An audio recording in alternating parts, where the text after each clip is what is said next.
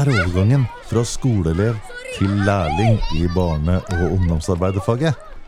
Det er tema for denne episoden av Lærlingbua.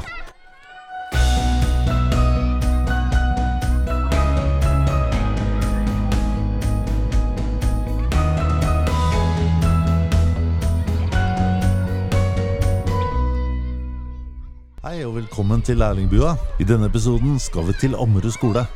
Her møter vi tre ungdommer som har gjennomført sitt første år som lærling i buafaget. Jeg heter Maria Torcham. Hei, mitt navn er Chingis Khan Biltaev.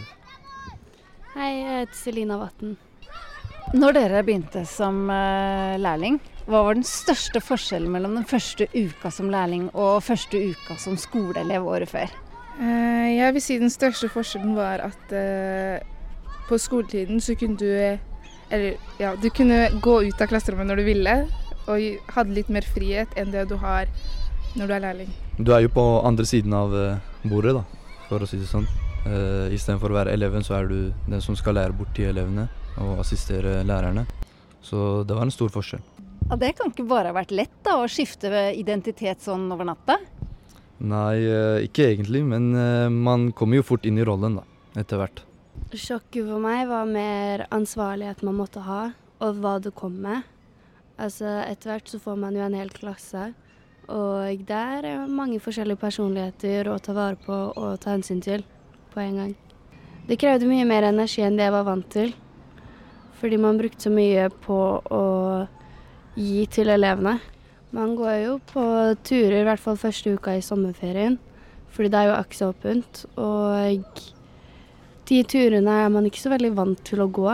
Og mye på lekeplasser og Du må jo leke med barna, det gjør deg sliten. Første uka du er jo, er jo ikke kjent med alle kollegaene dine, eller du er jo ikke så inne i jobben ennå. Og så er du på tur og sånt, hvor du må gi beskjed til elever du ikke har så god eh, kontakt med ennå.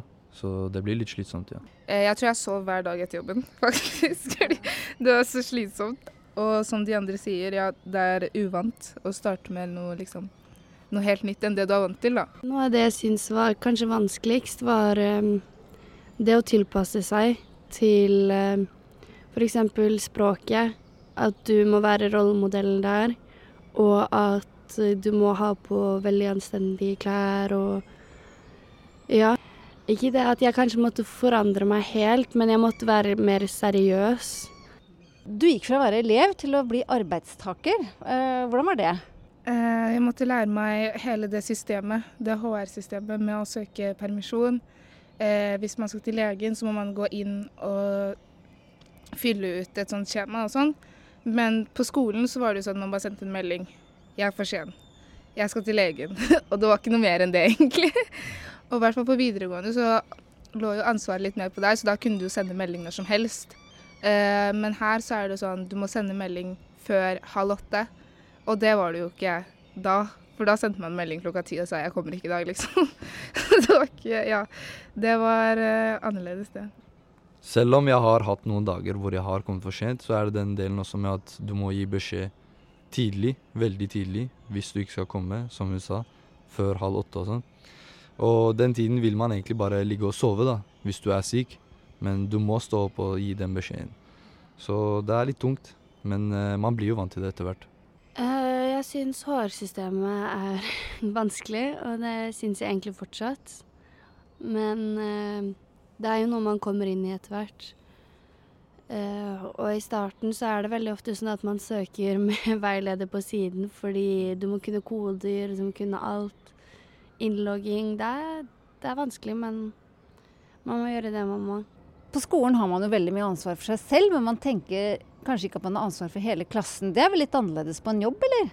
Ja, det er veldig annerledes. Fordi når du er på skolen, så er jo den viktigste rollen deg selv. Og eh, du tenker jo bare på deg selv. Men når du starter i jobb, så går det liksom Hvis jeg sender en melding klokka ti om at jeg ikke kommer, så går det utover alle andre ansatte på jobben. Fordi la oss si jeg skal ha en enkeltelev, da. Og de ikke finner en person til den enkelte eleven, så går jo det utover de andre kollegaene også. Så man må tilpasse seg til de andre også mer enn det du måtte gjøre på skolen. Det sier jo seg selv, da, hvis du har enkeltelever. Eller eh, hvis du skal ha en klasse, spiller ingen rolle hva det er. Du er fortsatt en del av et større team, så du må gi beskjeden tidligere. Ja, og i forhold til det så må man også ha tiden til å rekke å søke etter vikar for å, å gjøre teamet fullstående. Også i starten så tenker man, eller jeg i hvert fall tenkte at eh, jeg er jo bare lærling, så jeg har ikke så stor rolle i det egentlig. Men etter hvert så skjønner man at eh, uansett om du er lærling, fast vikar, lærer, uansett hva du er, så har det noe å si. Til syvende og sist så er det elevene det går utover, og de trenger den stabiliteten og rutinene rundt seg. Til de voksne og de ansatte. Nye lærlinger, hvilke råd har dere til den første måneden til eh, de som starter? Lage nye rutiner, fordi arbeidstiden er jo forskjellig fra skoletider. Du har lengre dager. Eh, bli kjent med kollegaene dine, ellers så blir det en ganske kjedelig dag på jobb. Og nummer tre, knytt relasjoner med barna kjapt. Eh, skap et godt forhold til veilederen din.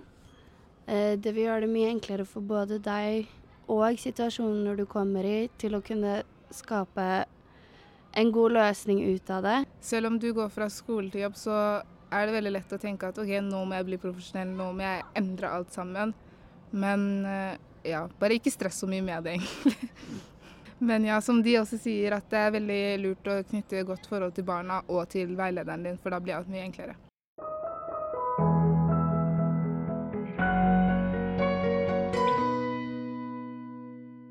Du har hørt på Lærlingbua. Har du spørsmål til episoden, bare ta kontakt med opplæringskontoret. Ansvarlig var Heidi Gabrielsen, og jeg heter Rune Brekk.